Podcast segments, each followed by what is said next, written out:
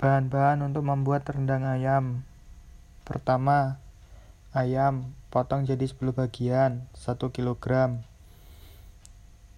Kelapa parut, sangrai lalu tumbuk sampai halus, 100 gram. Serai, 3 batang. Daun salam, 3 lembar. Daun jeruk, 5 lembar. Daun kunyit, 1 lembar. Kayu manis, 3 cm cengkeh 2 butir. Asam gandes 2 butir. Garam 2 sendok teh. Gula 1 sendok teh. Santan 1 liter. Dan minyak